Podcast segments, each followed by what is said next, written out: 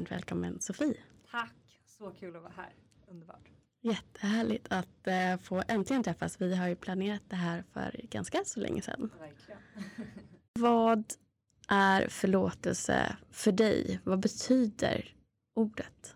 Historiskt sett har nog förlåtelse för mig varit ett ganska religiöst ord, har jag kopplat det till. Och jag har tänkt att förlåtelse har varit någonting som jag, jag har behövt förlåta för någon annans skull. I min, har varit min känsla över det ordet. Att så, men, kan, du, kan du förlåta mig? Ja, jag förlåter dig. liksom mm. nästan så.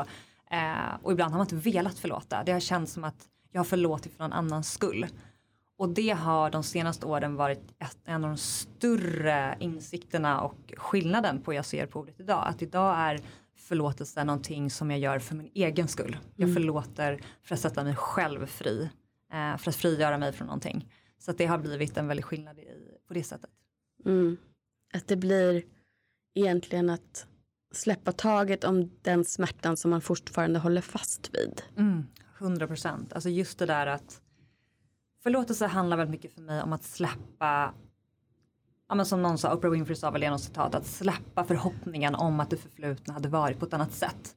Att genuint släppa taget om det och gå vidare. Eh, det är vad förlåtelse i slutändan är för mig. Att släppa sig själv fri. Jag brukar se det som att man släpper sig själv fri från de bojorna från det förflutna. Jag tror väldigt många lever fast i det förflutna och känner men det kan vara ilska, bitterhet, ledsamhet, besvikelse, irritation, uppgivenhet, att man inte är älskad och så vidare. Att släppa taget om de känslorna för att kunna faktiskt gå in i den framtid man vill ha och skapa sig det liv man faktiskt vill ha. För det, att inte förlåta hindrar oss väldigt mycket från att framåt skapa det liv vi vill ha. För vi, vi, håller, vi håller oss fast i det förflutna och de känslorna som eh, kanske trauma eller en jobbig situation, en konflikt eller vad det må vara skapar i ens liv. Mm. Och där tänker jag också att det som du sa också med Oprahs citat. Vad jag också känner hör till där är också acceptans till att det faktiskt har skett och det går inte att förändra. Eh, och också tillåta sig själv att sörja det. Men sen välja att lämna det bakom sig eftersom det, du kan inte göra någonting av det som har hänt. Du kan välja att gå vidare och göra någonting åt framtiden som du fortfarande är med och skapar. Mm. Exakt så. Jag tror att det där är en otroligt viktig eh, punkt att ta upp. Att, att förlåta, för den hade jag också lite missförstått innan jag började liksom jobba med det här och fundera ordentligt på det här. Var att, aha, okej, okay, men förlåtelse, det innebär att jag säger det är okej okay, det du gjorde. Nej, det är det inte alls. Det är, mm. alltså, det är snarare så att säga, du kan fortfarande förlåta utan att acceptera och liksom att säga okej, okay, det här hände, det var okej. Utan det är mer, det som hände hände, jag kan inte förändra det. Nu är jag redo att släppa taget om det. För jag vill inte bära på den bördan längre av det förflutna. Nu vill jag liksom frigöra mig från det som varit och gå vidare. Så att det är absolut inte ett accepterande av ett beteende. Utan det är en acceptans av att situationen var och blev som den blev och kan inte göras om. Hur mycket man än kanske vill förändra på det som varit så går det inte. Mm. Det är bara att inse. Egentligen så tänker jag att det engelska uttrycket make peace with mm. passar nästan bättre på det mm. som vi pratar om. Um, eftersom det är det du gör när du väljer att, lämna, att du bearbetar någonting som har gjort dig ont mm. och sen kan gå vidare därifrån. Mm. Och likadant så så tänker jag på när man har varit med om traumatiska saker som till exempel med mig och våldtäkter. Att för mig har det handlat om att jag kommer aldrig säga att jag förlåter de här männen. Men jag väljer inte att låta deras handlingar påverka mig i nuet. Utan jag har gjort det jag kan för att bearbeta det så att det inte ska påverka min vardag. Men samtidigt så är det någonting som alltid kommer ha hänt. Mm. Det kommer alltid vara en del av mig. Men det är mitt val om jag vill att det ska definiera den jag är eller inte. Självklart så är det någonting som man gör aktiva val i. För mig är det också någonting som jag har valt att se som att det var fruktansvärt, absolut. Men det gör ju också att jag idag kan sitta och prata om sådana här saker. Det gör ju också att jag kan idag förstå andra som har varit med om samma sak. Och kanske på något sätt när jag pratar öppet om det hjälpa andra. Mm. Så då väljer jag att se det som att det finns ett syfte med allting som händer oss. Och då är det lättare för mig att så kallat då förlåta mm. det som har hänt. Att det här var med, inte att förlåta dem, men att förlåta att det hände. Mm.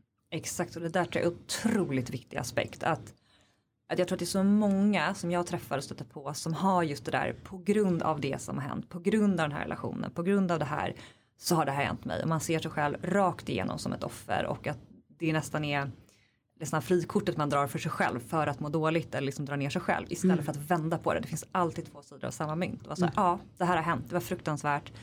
Jag hade aldrig velat ha det gjort, men vad har det hänt och vad har det faktiskt till viss del tack vare det som mm. du är inne på så har du faktiskt utvecklat förmågor, kompetenser, personlighetsdrag, kanske så empati, fått ett jäkla driv, eh, förståelse för andra, eh, liksom en vision om hur du vill leva ditt liv och så vidare. Som du aldrig hade haft innan. Du hade inte varit den du faktiskt är idag utan den erfarenheten. Precis så. Det där tror jag är väldigt stärkande och väldigt, eh, kanske inte så naturligt heller att gå till det, det första man gör. För jag har själv varit i situationer och jag går direkt utan tvekan till har gjort det historiskt till det här, liksom, på grund av det här och liksom hållit mig fast i det.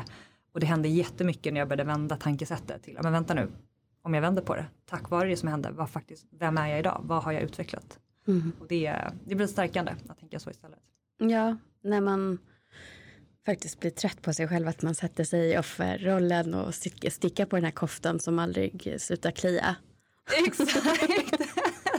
Han passar så bra ibland att dra på sig den här koftan. Ja. Nej, men, och det är det jag tänkte komma till att så här, jag tror också att det här är också något väldigt viktigt att jag tror också att man ska ha respekt för processen. Absolut. Att man behöver få bearbeta, processa, känna ilska, eh, besvikelse, alltså allt vad det är, alla de här känslorna. Man kan inte hoppa över steg i min erfarenhet och jag tror att det är väldigt individuellt men man kanske behöver en viss tid där man får känna vissa känslor och nästan bli trött på det till slut. Det var så i alla fall var för mig med olika saker. att Till slut känner man så här, nej men ska det fortsätta så här livet ut? Ska jag vara så här bitter eller arg eller besviken eller hålla mig själv från att liksom inte känna mig tillräckligt älskad eller värdefull? Ja, men, dra det till du är 95 om man har turen att leva så länge. Men hur mm. är mitt liv då? Hur, liksom, kommer jag gilla mig själv? Vilka relationer kommer jag ha? Alltså, man behöver få bli lite trött på det som är. Mm. Um, så det tror jag är en viktig del. Så att man inte, om man är med om någonting jobbigt så tror jag man måste ha respekt för den processen. Så man inte hoppar till det här vi pratar om nu, förlåtelse mm. kanske lite för fort. För jag tror att man behöver en viss tid att liksom få processa och känna. Eh, men sen också ser jag väldigt mycket med dem jag träffar och från min egen erfarenhet att jag tror också att det som, alltså oftast om det är någon, jag, här, jag, alltså jag kan säga så här, jag har inte träffat en enda person som inte har någon att förlåta i sitt liv. Jag tror att det är, det är väldigt få, ni får gärna ha kontakt med mig i sånt fall. Ja. Men bara genom att växa upp i liksom ett samhälle med föräldrar, som, liksom, inga föräldrar är perfekta, man tror ju det när man är liten, men inga föräldrar är perfekta. Man har syskon, man kanske har lärare, alltså det finns så mycket, vänner, släkt, det finns, man lever med människor, punkt slut. Och de flesta av oss har i olika, eh, vad säger man, utsträckning en eller flera personer att förlåta. Och det som jag ser väldigt tydligt är att när någonting har hänt en person kanske till exempel i barndomen eller ungdom eller någonting, så var det väldigt smärtsamt. Eh, man kanske inte fick tillräckligt med uppmärksamhet eller kärlek, man kanske blev ett klämbarn, man kanske hade föräldrar som inte var där alls. Eh, man kanske liksom inte fick den här bekräftelsen eller vad det än må vara. Så det är vissa känslor som man som barn upplevde som extremt eh, jobbiga och eh, svåra att ta. Vilket gjorde att barn ofta för att skydda sig lägger på skyddsmekanismer och andra lager av känslor. Så man kanske liksom distanserar sig, man kanske blir arg, håller avstånd, liksom blir hatisk eller liksom så. Ehm, men det jag ser är att man behöver under trygga former få kontakt med de där uh, djupaste känslorna. Vad är det egentligen jag känner? Är jag så himla arg och ilsken och förbannad? Eller är jag bara väldigt besviken och ledsen och känner mig oälskad? Um, och så vidare. Så att jag tror att den emotionella resan ser jag också är en nyckel till förlåtelse. Mm. Att våga känna på de där eh, känslorna som man ofta blockerade som liten. För att sen då, i min erfarenhet, att man väldigt snabbt släpps fri när man får känna på de känslorna. Det är jättebefriande och jag märker också bland de som har vuxit upp och fått en undvikande anknytning som då inte har kontakt med sina känslor. Eh, när de ändå väljer att börja gå och prata på olika sätt eller bara har en trygg person i sitt liv och vågar öppna upp mer och mer och märker att, för, att de faktiskt kan känna. Mm. För jag tror att många av dem som jag har förstått, de jag har pratat med och läst om, de, de tror faktiskt på riktigt inte att de kan känna saker. Och sen ju mer de faktiskt närmar sig det här läkandet så öppnas det upp mer och mer och det gör det ju för oss alla som har tryckt bort någonting mer och mer att när du jobbar med dig själv så märker ju man att även ett, ett eget psyke öppnar upp mer och mer och tillåter därför att psyket och nervsystemet lär sig att det är tryggt att våga känna det här igen. Mm. Och det är lite obekant och läskigt första gångerna det händer men sen vänjer man sig även vid det som med allt annat. Och att då, då går det att göra det helt enkelt. Ja. Och det är det jag tycker är den stora vinningen när man liksom någonstans vill skapa lite incitament för dig själv. Att om man mm. har någon man behöver förlåta, förlåta i sitt liv. Så återigen, det är för dig själv. Och det som väntar på andra sidan är sån frihet. Alltså min erfarenhet från mig själv men också de jag jobbar med är att det är som att gå runt med en tung ryggsäck med riktigt tunga stenar. Mm. Och man släpar på den här ryggsäcken och man är liksom arg och bitter och besviken eller vad det än var.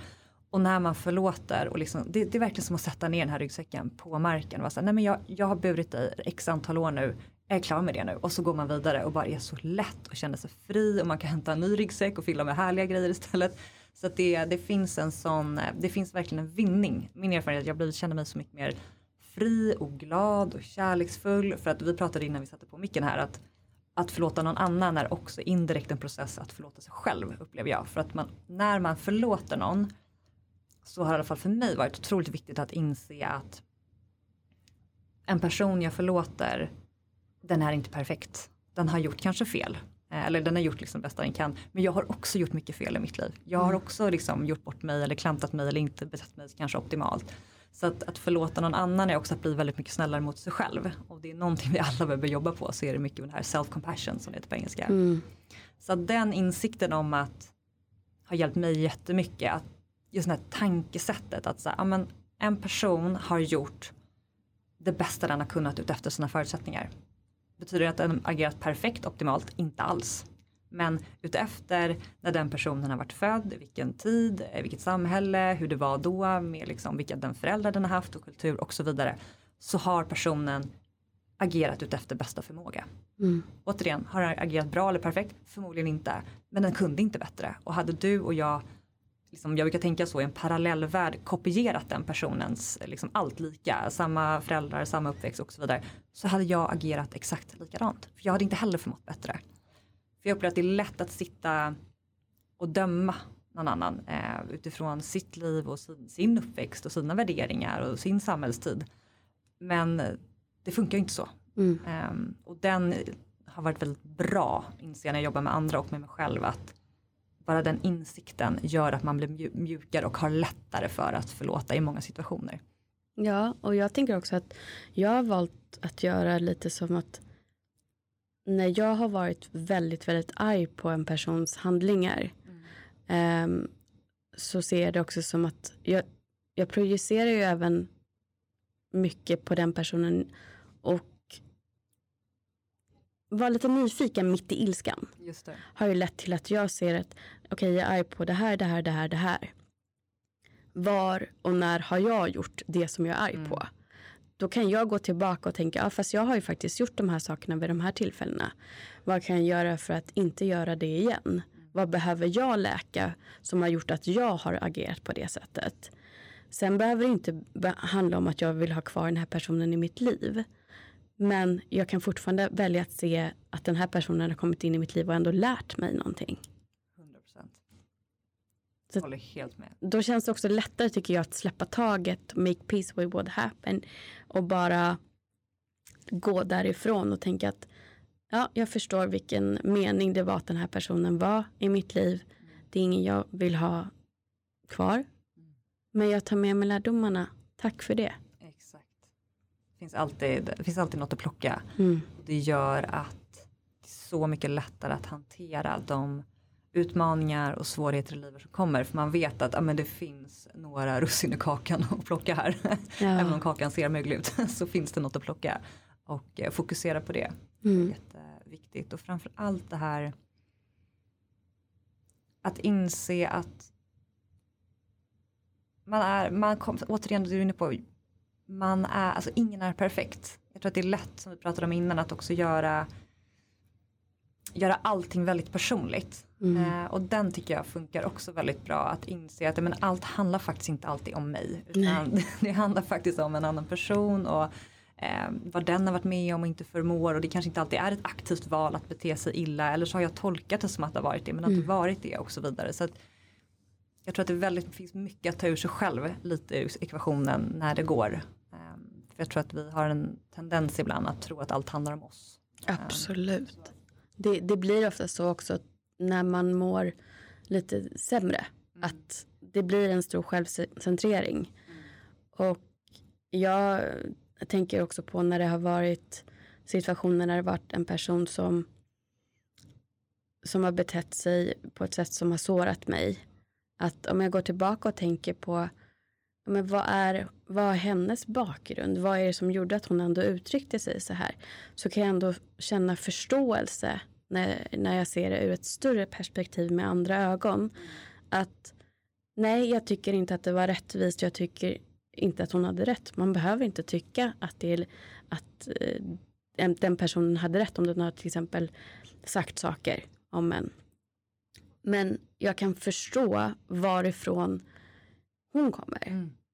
För hon har vissa erfarenheter i sitt liv som gör att hon kanske ser många människor på det sättet som hon uttryckte. Att hon kanske blir triggad att se vissa beteenden på ett visst sätt fast det inte var min intention eller den, jag känner, känner igen att det är jag. Mm. Så att på så sätt kan jag ändå känna att jag förstår varför det här hände. Mm.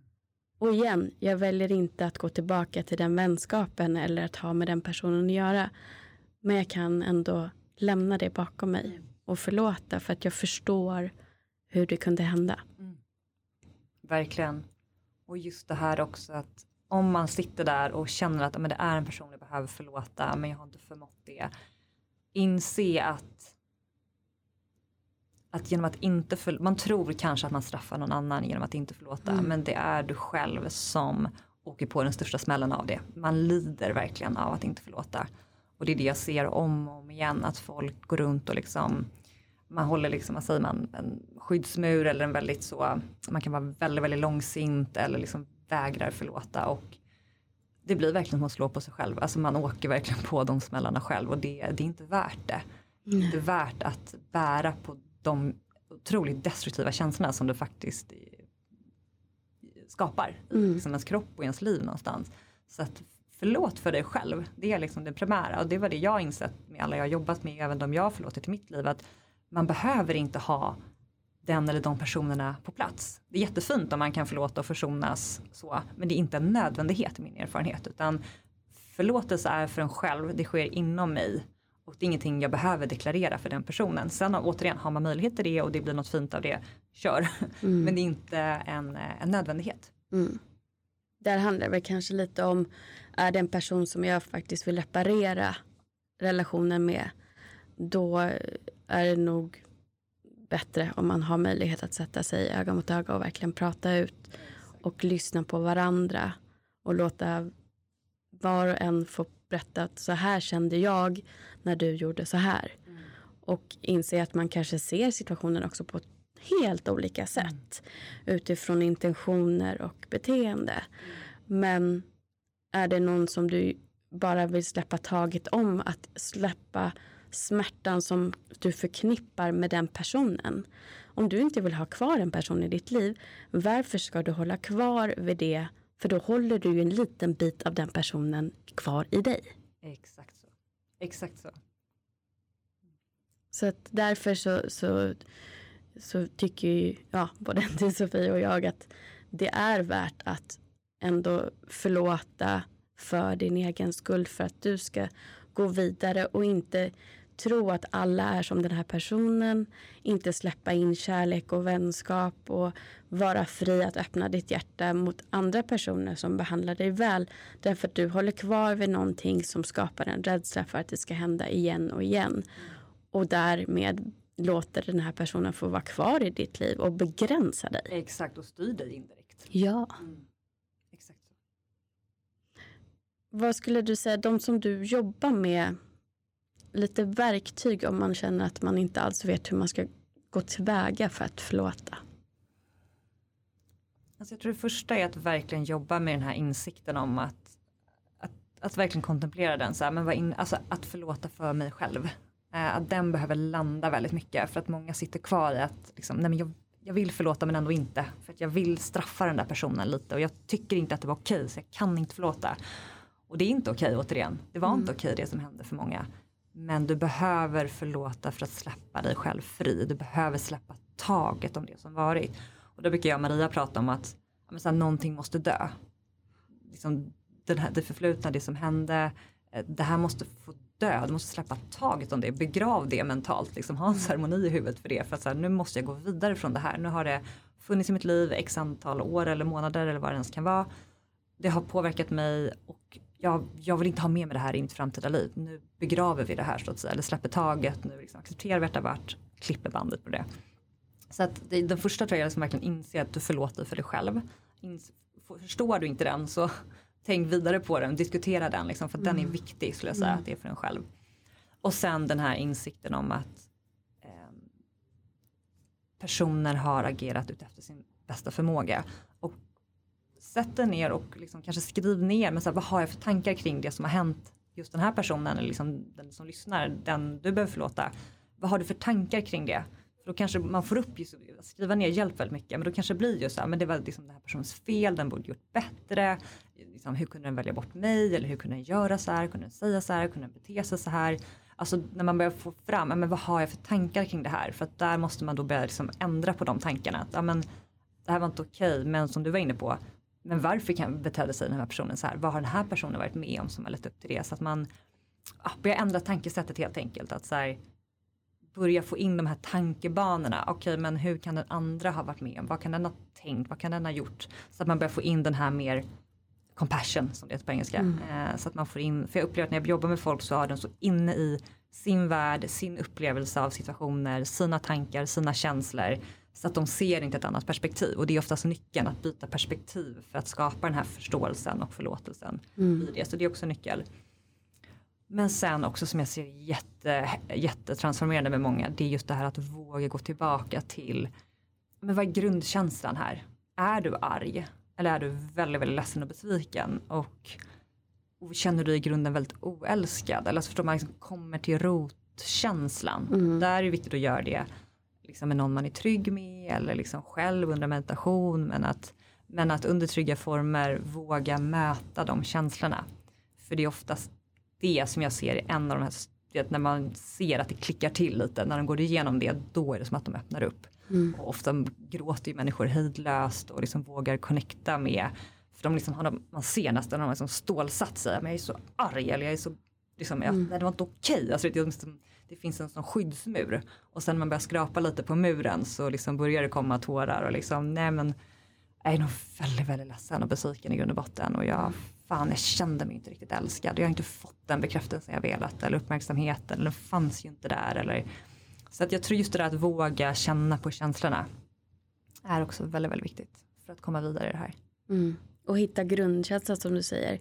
Där tycker jag att den, jag tror att det är Brene Brown eller som har utforskat den här äh, ja, är det sant spiralen. Mm. Jag vet inte vad den heter på svenska men det, det utgår egentligen om det, om jag är det Byron Katie? Byron Katie mm. kanske, ja just det. Jag blandar ihop de två ibland. Men just den här att man frågar sig, är det sant om det är så att, ja men hur kunde den här personen göra så? Mot mig? Ja men har den gjort det mot dig? Och istället för bara direkt svara ja. Så, ja men okej, då får du svara ja om det känns så. Mm. Men om det är sant att de har gjort det här mot dig, vad betyder det? Mm. Ja, det betyder att de inte tycker om mig. Okej, om det är sant, vad, vad vad betyder det? Ja, betyder inte att jag duger för den här personen. Okej, om det är sant, vad betyder det? Ja, det betyder inte att jag är värd att älskas. Alltså sådana saker, att, att man, så det här var ju bara ett exempel på vad man kan känna. Mm. Att man då kommer ner till att den här personen har triggat ditt sår som du har innerst inne som är att du inte känner dig värd att älskas. Och därför blir du så arg och håller du bara fast vid ilskan utan att utforska vad den egentligen grundar sig i. Ja, då kanske du håller fast vid någonting väldigt, väldigt länge. Fast du egentligen har en möjlighet där att faktiskt läka ditt sår som får dig att känna att jag är värd att älskas. Den här personen fick mig att känna att det inte var så utifrån de handlingarna som kan ha kommit ifrån att den här personen inte har fått känna sig älskad och så vidare. Mm. Okej, okay, jag förstår. Men det jag kan göra nu är att lära mig älska mig själv och känna att jag är värd att älskas. Och så lämnar jag det här bakom mig. Exakt. Och precis det att man har inre sår som du är inne på. Och ytligt sett så kan olika människor och situationer trigga de såren som du är inne på. Men om man inte tar det ansvaret att själv titta på det så kommer du då kanske inte förlåta en person, stänga den ut ur ditt liv eller liksom strunta i det, vara arg, bitter och liksom avfärda den, avvisa den. Och så går du vidare, så träffar någon annan som också triggar samma yeah. sår på ett annat sätt. Så att, och, så, och så vidare. Så att någonstans livet kommer knacka på den dörren och liksom skrapa på ditt sår tills du säger okej okay, jag fattar. Det är någonting jag behöver läka. Jag måste titta på det. Mm. I min erfarenhet. Att liksom, till slut kommer du behöva titta på det. 100%. Så att, um, och det är där man hittar den sanna styrkan, den sanna självkänslan och självkärleken och tryggheten. Återigen, det här betyder inte att man ska gå runt och vara någon störmatta och bara acceptera alla beteenden, tvärtom. Men tvärtom anser jag att mm. när man jobbar på sina då inre sår, när man inser att jag kanske har ett sår som väldigt många av oss har, att man kanske inte duger eller känns älskad eller tillräcklig. När man börjar läka det och jobba på det, då blir man väldigt tydlig med vilka människor man vill släppa in i sitt liv och inte. För man är såhär, nej men jag är värdefull, jag är älskvärd. Den här personen som kommer in i mitt liv just nu behandlar inte mig på det sättet. Nej men då markerar vi ganska tidigt att du är inte välkommen in och så vidare. Så att jag upplever också ju mer du jobbar med de här inre såren desto högre standard får du för dig själv och för dem du bjuder in i ditt liv. Ja, verkligen. Det är jag levande exempel på. det, det är verkligen jättestor skillnad från när jag bara började göra podden och inte alls var trygg i tilliten till mig själv, mina beslut, vad jag gjorde, ingenting. Och sen valde att se mina triggers som att de visade mig vad har jag för sår att läka och sen tog liksom ett i taget och läkte. Och idag så, så, så är det så tydligt för att jag har lärt mig att lyssna. Det blir verkligen så här, nej, ja, alltså gränssättningen känns i hela kroppen. Mm vad som är okej och inte. Och där är jag tacksam för det jag blev triggad av. Mm. Och alla alltså återkommande eh, destruktiva relationer på det sättet att det som återkommer i olika personer visar ju bara det som jag inte har valt att fejsa helt enkelt. Och nu har jag gjort det och nu har jag väldigt svårt att tro att jag ens, nej men jag, jag vill, jag har verkligen ingen intention. Jag, det intresserar mig inte att vara i en relation, vare sig det är en vän eller en kärlekspartner, där det inte är lika ge och ta eller en person som inte har handling och ord som matchar. Mm. Medan förut så var det mer att det var väl det jag hade vant mig vid och jag trodde inte innerst inne att jag var värd mer. Mm. Då blir det jättelätt att vara någons dörrmatta. För att man håller mer fast vid att ha någon än att ha någon som är bra för en. Eller att bara vara med sig själv. Ja. Liksom att säga, nej men då tar jag ingen under en period för att det, mm. det är bättre. Absolut. Och välja sig själv där istället. Och sluta tänka att du ska bli vald. Utan jag väljer och den andra personen väljer. Och väljer vi varandra, underbart. Mm. Gör vi inte det, då är det inte rätt person för dig. Det är ju så enkelt när man blir tryggare och mer tillitsfull till sig själv och de man ändå har samlat runt omkring sig som är trygga personer att välja sin egen väg mm. helt enkelt. Något som jag gillar att tänka eh, som funkar bra och det slog mig väldigt hårt när jag fick mitt första barn var att och den gillar jag att ha den tanken att så här, när barn föds så är de så självklara. Mm. Alltså, de vet att de är älskvärda. De skriker om de inte får mat, de eh, skrattar när de är glada, de vet att de ska få tröst. Alltså de väcker mamman eller pappan mitt i natten klockan tre. De ber inte om ursäkt för det, de vrålar för att jag är hungrig, punkt mm. slut. Alltså de är så de är så naturliga i sin liksom värdefullhet, att de är älskvärda och så vidare. Och sen är det ju tyvärr så att väldigt många av oss växer upp i liksom familjer och samhällen och så lägger vi på oss lager och ah, nej men jag var inte så älskvärd och nu fick jag liksom inte det jag ville ha och så vidare. Så här. Men när vi alla föddes så visste vi intuitivt i någon kroppslig nivå att vi var så, så kompletta, fullkomliga och älskvärda mm. värdefulla. Och den älskar jag att tänka för alla. Att så här, när du föd, det är liksom ett grundstate på det sättet, grundtillstånd. Att så här, vi föddes så. Och på så sätt gäller det att hitta tillbaka till den urkänslan vi alla hade av värdefullhet. Ja, vad bra. Och den är så fin för att vi Mm. alla har haft den, den finns där. Sen har vi, liksom, vissa har är väldigt disconnectade från den grundkänslan och vissa har liksom lite närmare till det men alla har den signalen liksom att hitta tillbaka till som på en radio liksom försöka hitta rätt kanal när det blir en ren signal en bra liksom röst radiomusik som kommer fram. Mm. Vi har alla den, vi har alla känns värdefulla och den älskar jag att tänka att den, vi har alla fötts med den, den finns i oss, det är ett grundtillstånd och vi kan alla hitta tillbaka till den grundkänslan. Mm. Jätte, jättebra sagt. Och just att det här att hitta tillbaka till grundkänslan är också att hitta tillbaka till sig själv. Där man var från första början när det var så lätt att uttrycka sina behov. Även om man kanske inte hade rätta medel, man kanske inte kunde prata. Men att ett litet barn markerar ju när den har ett behov på ett eller annat sätt. Eh, I alla fall innan den lär sig tyvärr då att det kanske inte är okej. Men det är ju under den här hela anknytningsprocessen så får vi ju lära oss då vad får vi för bemötande när vi uttrycker våra behov och det är det som gör också väldigt stor grund till vår anknytning. Om den blir trygg eller otrygg och hur vi agerar i vuxen ålder. Men när du är i vuxen ålder och fortfarande har det mönstret och de skydds, skyddsmekanismer då har du också möjlighet att göra om det om du bara får en medvetenhet om vad du gör. Så att om vi egentligen ska tänka på det vi pratade om tidigare, det här med att det är väldigt lätt att gå in i en offerroll och känna att jag får aldrig relationer fungera, alla är bara elaka mot mig. Den här, den här, den här personen har gjort mig illa. Att om du då faktiskt stannar upp, tar tid för dig själv och tar tid för ditt läkande, tar kontakt med någon som kan vägleda dig, stötta dig och vara trygg. Så är det också en del av processen att också förlåta dig själv för att du på något sätt ändå har tillåtit andra att göra dig illa. Och det tror jag är en stor del också i ilskan man känner. Att det är lättare att uttrycka ilska mot den personen som har gjort dig illa. Men i alla fall för min del så har det också varit att jag har ju inte alltid sagt ifrån. Jag vet att det var till exempel en väninna till mig som sårade väldigt mycket, mig väldigt mycket för några år sedan. Och jag blev så paff av alla anklagelser som kom mot mig att jag kände länge efteråt att jag inte hade stått upp för mig själv. Utan att jag bara var, åh, har du upp, uppfattat det så? Jag ber om ursäkt, det var inte alls min mening.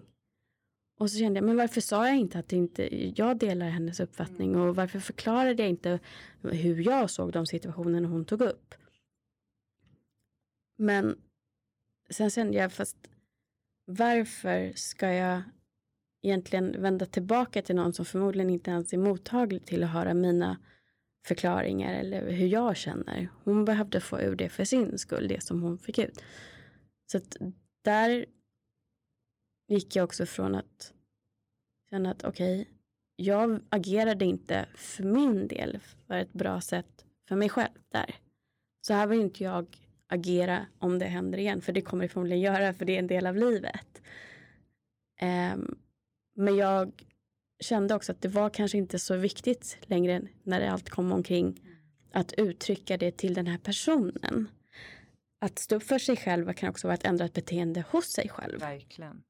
Och Gud, ja. man kan också skriva ett brev till den personen och uttrycka allting man inte tycker sig ha fått sagt. Och elda upp det och därmed släppa det. Mm. Den är jättebra på tal om praktiska övningar. Alltså skriv ett brev och där brukar vi jobba med klienter så att man säger att först skriv ett brev från ehm, ditt barn, barn-jag. Mm. Det är ofta, ofta i alla fall stora trauman kommer ofta från någon form av barndom. Eh, Ja. Så skriv ett brev från ditt yngre jag bara utifrån barnets perspektiv och ögon. Hur kändes det för barnet i den situationen, ditt inre jag, att uppleva en viss situation eller att vara i ett visst beteendemönster hos någon annan och så vidare. Att så här, skriv av dig det utifrån det perspektivet. För det vi ser är att vi försöker ofta parera som vuxna. Jo, jag förstår att jag kände lite så, men å andra sidan var det ju så här. Alltså man försöker hela tiden vara så rationell, man jobbar liksom båda hjärnhalvorna. Mm. Att gå all in och skriva av sig, då kommer ofta väldigt mycket känslor upp. Liksom, och få skriva av sig det. Och sen skriva ett brev från sitt mer vuxna jag. Eh, där det kanske finns mer av det här compassion, förståelse, förlåtelse på en annan nivå. Men det där är ett bra sätt att precis skriva av sig och ur sig. Även om det kanske också är en situation som har hänt när man är äldre. Bara skriv ur dig utifrån hur du såg på det. Vad, vad var ditt perspektiv? Bara få ur dig det, de känslorna. Och sen ett liksom mer då, sen nyanserat brev någonstans. Eh, men just att skriva, skriva ner och skriva brev som inte ska till avsändare, alltså inte ska till någon. Som du säger, bränn upp det, eh, riv isär det, göm det. Men mm. det, du skriver av dig för din skull. Mm. För att man behöver ofta få ur sig saker och ting. Och det händer ju någonting när man skriver i papper och penna. Det är bara så. Det, ja. det är så bra eh, övning. Så skriv inte på dator utan skriv med papper och penna. Ja, det minns jag inte varför. Men det fanns ju någon forskning på just vad som händer när man skriver själv för hand. Mm. Som var så intressant. Men jag fick göra det här hos en livscoach som jag gick hos på den tiden. Mm. Och jag, jag trodde verkligen att jag var, hade så mycket att säga. Men när det väl kom fram när jag, till den tidpunkten jag skulle skriva ner det här mm. så hade jag nått till så mycket förståelse och sympati för den personens egna sår. Mm, så att jag hade inte så mycket mer att säga att det här var inte okej, okay, jag håller inte med, det var inte rättvist.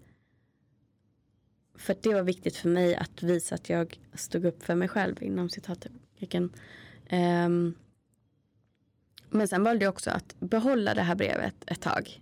För jag känner att jag vill elda upp det här när jag känner att nu släpper jag det här. Och då gjorde jag det. Och sen har jag inte tänkt på det något mer. Mm. Um, sen kan man också göra, jag tänker att om det är en, någonting som kanske inte är så på djupet sårande så att eller mot dina värderingar, mot vilka relationer du vill ha i ditt liv utan att det kan vara en ruptur i en, en relation som du vill ha kvar. Att om det är svårt att få fram vad det är du vill säga så kanske det kan vara hjälpsamt att skriva ner och läsa upp för varandra. Absolut. För att också få, få ur sig det som känns innerst inne och just det som du säger att man fastnar så mycket i huvudet, det är så mycket rationella tankar. Man kan förstå saker intellektuellt men inte för den delen eh, att det verkligen är integrerat emotionellt i en. Mm. Och när man då skriver så får man ju liksom med alltihopa. Mm. Verkligen. Och sen är det någonting, alltså jag tror att så här, vissa grejer har kanske varit väldigt jobbiga och traumatiska och sårande och det har tagit tid liksom, att komma till bara insikten om att men jag vill förlåta, jag vill släppa det här, jag vill gå vidare. Men jag tycker också att en viktig del är att Maria, min kollega, när vi pratade i vårt poddavsnitt så skojade hon sa att hon har varit så himla långsint i hela sitt liv. Mm. Hon bråkade någon gång med sin mamma när hon var liten och det tog flera timmar innan mamman liksom kom upp eller någonting. Och så, så, ja. för hon trodde att Maria hade på lekt liksom på övervåningen. Mm. Hon har suttit under sitt skrivbord och surat i flera mm. timmar. Och det där är ju någonting att försök så fort som möjligt. Eh, om det är en relation du vill behålla. Ta upp det så, så snart det går. Mm. För att ju längre tiden går desto mer, jag tror så här, desto längre tiden går så finns känslan av såret kvar. Men det är svårare att att läka det på något sätt. För ju mm. mer tiden går desto jag tror man alltså stänger lite emotionellt. Alltså, mm. Jag tror att man ska verkligen ta i de här grejerna när mm. det, så snabbt det går. Det är klart att man kanske måste bli arg och få ur sig något och liksom ta lite tid ifrån varandra. Man är så liksom triggad. Men förstår jag att det inte får gå för lång tid. För att då tror jag, alltså jag tror att det är risk att man, inte, man har svårt att hitta tillbaka annars. Jag, jag tror så här, mm. en konflikt eller någonting man bör förlåta kan alltid föra en väldigt mycket närmre. Man kan ja. bli väldigt starkt i det eh, mm. i en relation om man inser båda två att det här är en relation vi vill vara kvar i vi gillar varandra eh, på olika sätt och då kan man växa väldigt mycket mm. av eh, liksom en konflikt eller en oförrätt eller vad den kan vara. Men går det för lång tid så, så kan det vara svårt att hitta tillbaka, eh, ser jag av erfarenhet. Mm. Så att jag tror mycket på att så fort det går prata om det och där är ju nyckeln tycker jag att våga vara väldigt sårbar. Mm. Och våga ta perspektivet av så här upplevde jag det. Där du också varit inne på under podden. Men så här, säg inte så här var det. För det finns alltid två perspektiv mm. om det är två personer som är med i det. Utan mm. så här upplevde jag det. Och det är så mycket lättare för en andra att få um, liksom, kärlek och förståelse. Man säger, oh, okej, det var aldrig min avsikt. Men när du berättade så förstår jag att du blev jätteledsen och besviken och arg på mig. Liksom att hear her out. eller hear ja. out.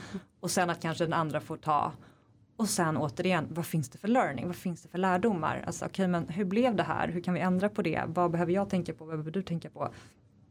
jag och Maria som är kollegor då, vi jobbar jättemycket med det här tillsammans och har gjort det från dag ett. Att så här, vi vågar vara väldigt sårbara mot varandra och vi, så fort det är någonting tar vi alltid upp det utifrån liksom jag-perspektivet. Jag upplever, jag känner eh, och vi tar alltid upp det. Och det säger vi båda två, gud vad det är jobbigt ibland att göra det. Alltså man känner att det är så instinktivt att man äh, men jag kanske bara skiter i det eller jag struntar i att säga det där eller vad det är. Men att det är alltid värt det, hur jobbigt det än är att ta upp det. Eh, och man vet också att den andra kommer lyssna för man tar inte upp det som du gjorde så här utan så här jag måste ta upp en grej, det här hände och jag kände så här. Liksom. Mm. Eh, du vet, jag funderar på min del och jag kanske var dålig på att uttrycka det här men så. Men att vi har båda verkligen pratat så mycket om att gud vad vår relation har blivit så förstärkt mm. av varje gång det händer. Så att återigen, det finns en möjlighet om man vill vara kvar i en relation att komma närmre mm. av eh, bråk, konflikter, vad det än är. Absolut, och det vet jag också att många parterapeuter säger att en, i en sund relation så ser just kärlekspar också konflikter till en möjlighet att utvecklas i relationen. Mm. Om man bara tar sig tid att sitta och lyssna på oss precis som ni gör. Vad var det som hände här? Hur uppfattar den andra personen? Kan jag förklara och se det från den andra perspektivet? Att bli sedd och bli hörd hela tiden. Och jag tror också som bara reflektion till det du sa att om man drar ut på det.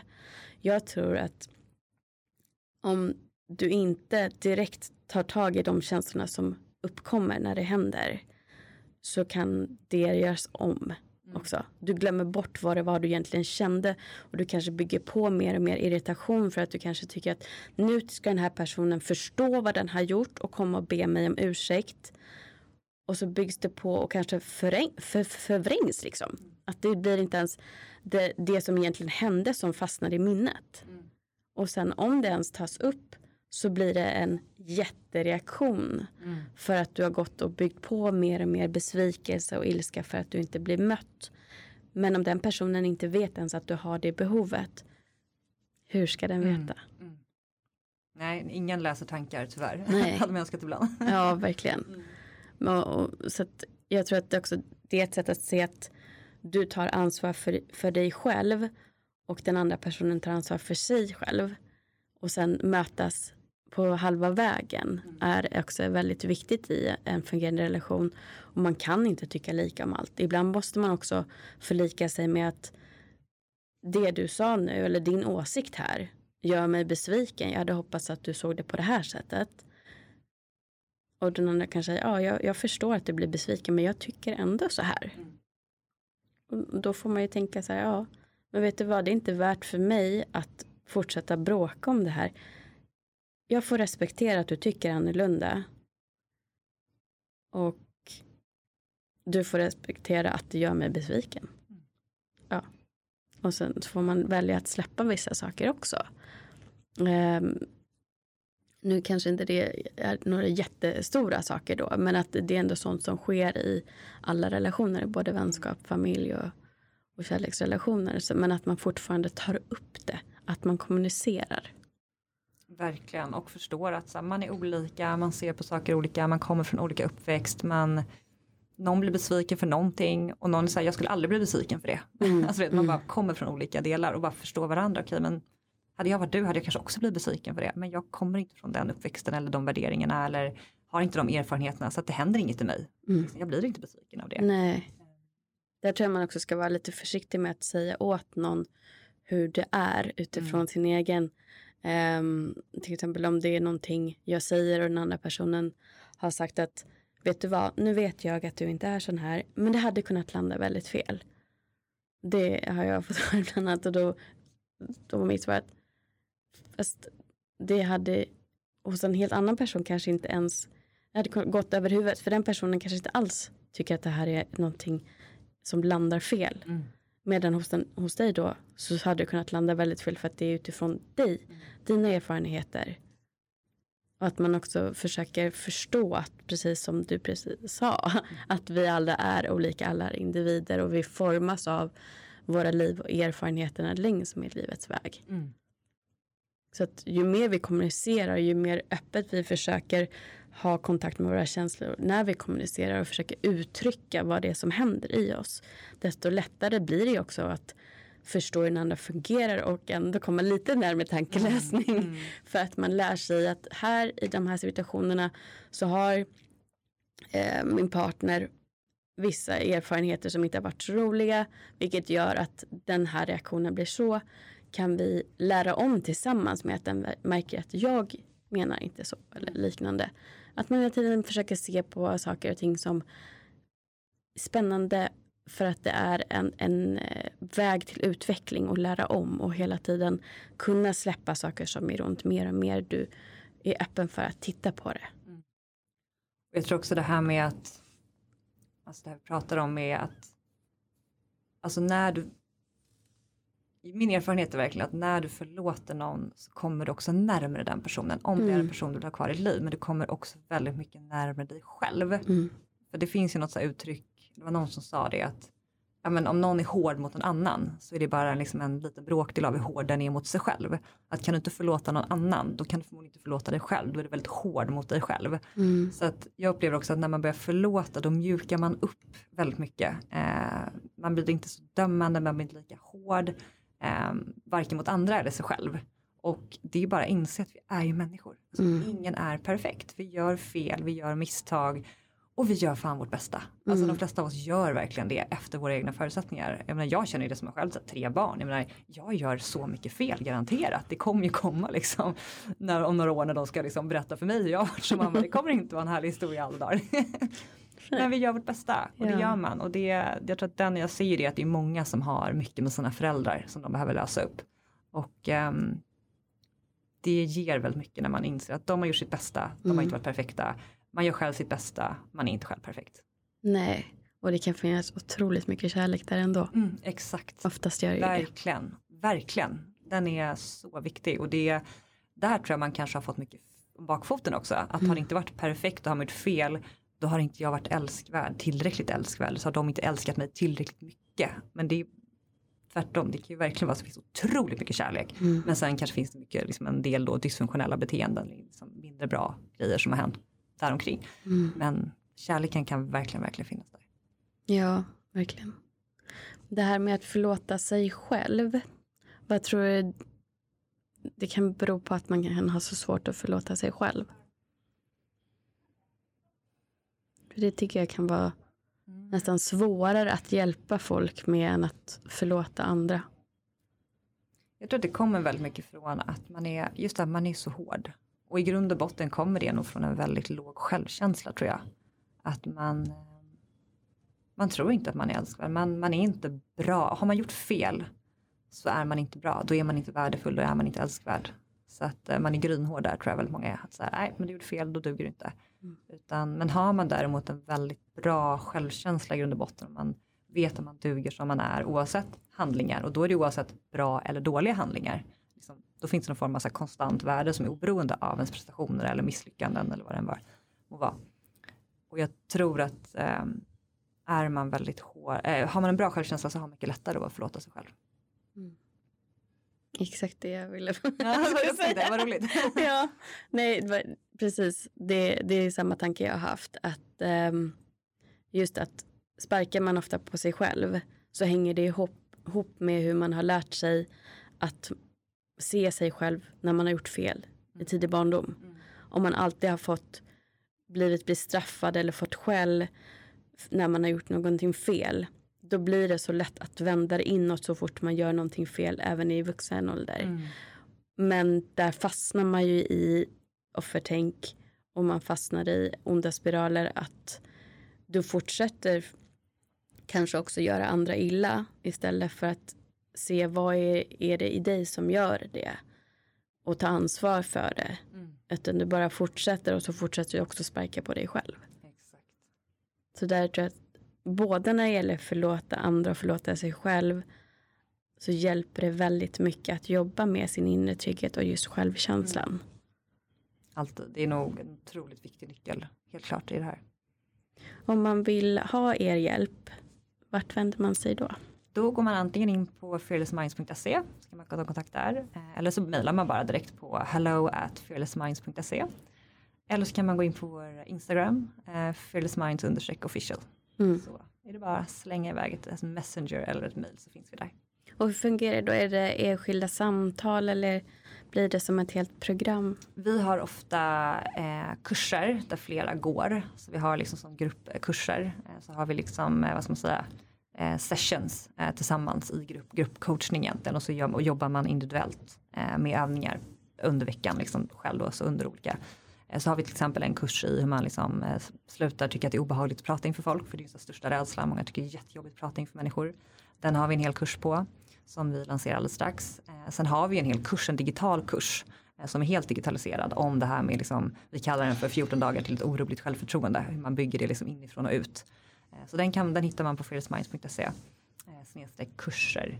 Så den kan man gå, den är helt digital. Mm. Sen kan man ju kontakta oss. Vi tar, vi tar oss an ibland personer vi coachar. Vi, har inte liksom, vi tar inte hur många som helst för vi gör så mycket annat. Ja. Men en del gör vi det med.